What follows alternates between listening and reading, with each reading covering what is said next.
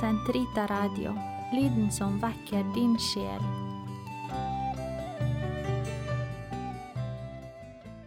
Den katolske kirkes katekisme, uke 50, 2514 til 2527. Det niende bud. Du skal ikke begjære din nestes hus. Du skal ikke begjære din nestes hustru, hans tjener eller tjenestekvinne, hans okse eller esel eller noe annet som hører din neste til. Exodus 2017. Men jeg sier dere at enhver som ser på en annens hustru med begjær, han er allerede i sitt hjerte en ekteskapsbryter. Matteus 5, 28. Sankt Johannes skjelner mellom tre former for begjær eller lyst. Sanselig begjær, øynenes lyst og hovmodig skryt på grunn av rikdom. Ifølge den katolske kateketiske tradisjon forbyr det niende bud sanselig begjær. Det tiende forbyr å begjære nestens eiendom. Etter sin etymologi kan begjær, concupiscentia, betegne alle voldsomme utslag av lyst hos mennesket. Den kristne teologi har gitt det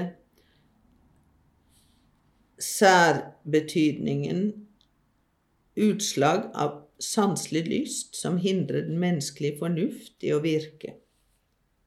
Apostelen Sankt Paulus setter det likt med kjødets opprør mot ånden.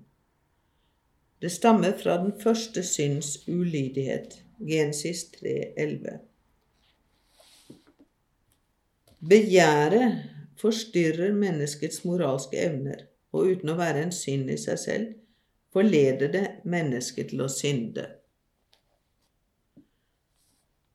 Siden mennesket er et vesen sammensatt av ånd og legeme, finnes det i det en iboende spenning. Det foregår en viss kamp mellom ulike tendenser, mellom ånd og kjød. Men denne kampen utgjør i virkeligheten noe som er nedarvet fra synden. Den er en følge av synden, samtidig som den bestyrker den. Den er del av den daglige erfaring med den åndelige kamp.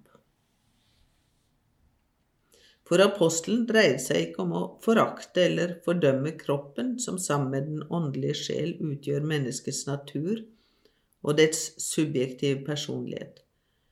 Han omtaler derimot gjerninger, eller snarere vedvarende tilbøyeligheter, dyder og laster som er moralsk gode eller onde, og som er frukten av lydighet i det første tilfellet, under eller motstand i det andre tilfellet mot Den hellige ånds frelsesgjerning. Derfor skriver apostelen, siden vi da har fått vårt liv i kraft av Ånden, la oss også ledes av Ånden i vår ferd. Galaterne 5.25 Hjertets renselse Hjertet er sete for den moralske personlighet. For fra hjertet er det alt sammen kommer, onde tanker, mord, utukt og utroskap, tyveri, falske beskyldninger og spottende snakk. Matteus 15, 19. Kampen mot sanselig begjær forutsetter hjertets renselse og øvelse i måtehold. Hold deg til enkelhet og uskyld, for da vil du bli småbarna lik, de som ikke kjenner det onde som ødelegger menneskenes liv. Den sjette saligprisning forkynner. Salige er de rene av hjerte, for de skal se Gud. Matteus 5, 8. De rene av hjerte betegner dem som har rettet forstand og vilje etter det som kreves av Guds hellighet, og særlig på tre områder nestekjærlighet, kyskhet eller seksuell renhet, og kjærlighet til sannheten og den rette tro. Det finnes en forbindelse mellom hjertets, legemets og troens renhet. De troende må tro troens artikler, slik at de ved å tro adlyder Gud, ved å adlyde lever de vel, ved å leve vel renser de sitt hjerte, og ved å rense hjertet forstår de hva de tror. Det loves de rene av hjertet at de skal se Gud ansikt til ansikt og bli ham lik. Hjertets renhet er forutsetningen for å se. Allerede nå gir den oss å se slik Gud ser, og være mot andre som en neste. Den gir oss å se på det menneskelige legeme, både vårt eget og nesten, som et tempel for Den hellige ånd, som en åpenbaring av Guds skjønnhet. Kampen for renhet. Dåpen gir den som døpes, den nåde å bli renset for alle synder. Men den døpte må fortsatt kjempe mot kjødets lyst og mot tøylesløst begjær. Med Guds nådes hjelp lykkes det ham ved kyskhetens dyd og nådegave, for kyskheten gjør det mulig å elske av et rettsindig og udelt hjerte. Ved rene hensikter som består i å ha menneskets sanne bestemmelse for øye. Den døpte søker etter å finne og gjøre Guds vilje i alle ting. Ved et rent blikk, både i det ytre og det indre, ved selvbeherskelse i følelser og fantasier, ved å nekte å dvele ved urene tanker som leder bort fra de guddommelige budords vei. Men hos den uforstandige vekker synet en heftig lengsel, visdommen 15.5. Ved bønn. Jeg trodde avholdenhet var oppnåelig ved egne krefter, krefter jeg visste jeg ikke var i besittelse av og jeg var tåpelig nok til ikke å vite at ingen kan være avholdende uten at det gis ham av deg. Du ville sikkert ha gitt det om jeg, med mitt indre stønn hadde banket på ditt øre, og dersom jeg med fast tro hadde veltet all min bekymring over på deg. Renhet forutsetter bluferdighet, som er en vesentlig og nødvendig del av måtehold. Bluferdighet tar den enkeltes intimitet i vare. Den innebærer å ikke ville avsløre det som skal forbli skjult. Den er rettet inn mot kyskheten, hvis finfølelse den bærer bud om. Den leder blikk og bevegelser i samsvar med menneskets verdighet og enheten dem imellom.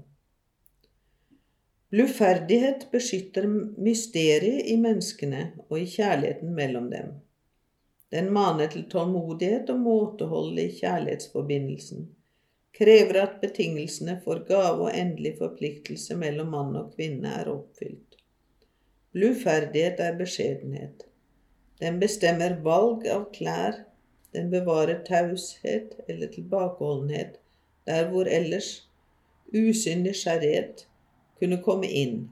Den opptrer diskré. Det finnes en følelsenes bluferdighet like så vel som en kroppslig. Den opprøres f.eks. av at menneskekroppen misbrukes av kikkere i visse former for reklame, eller i visse medias hang til å gå for langt i å avsløre intime betroelser.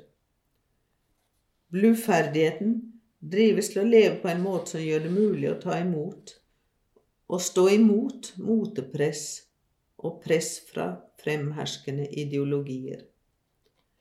Bluferdigheten gir seg ulike utslag fra en kultur til en annen, men overalt utgjør den en forutdannelse om den åndelige verdighet som særpreger mennesket. Den oppstår når mennesket vekkes til bevissthet. Å lære barn og unge bluferdighet er å vekke deres aktelse for mennesket. Kristen renhet krever en rensing av det sosiale klimaet. Den forlanger av massemedia at de bringer informasjon som tar vare på aktverdighet og tilbakeholdenhet.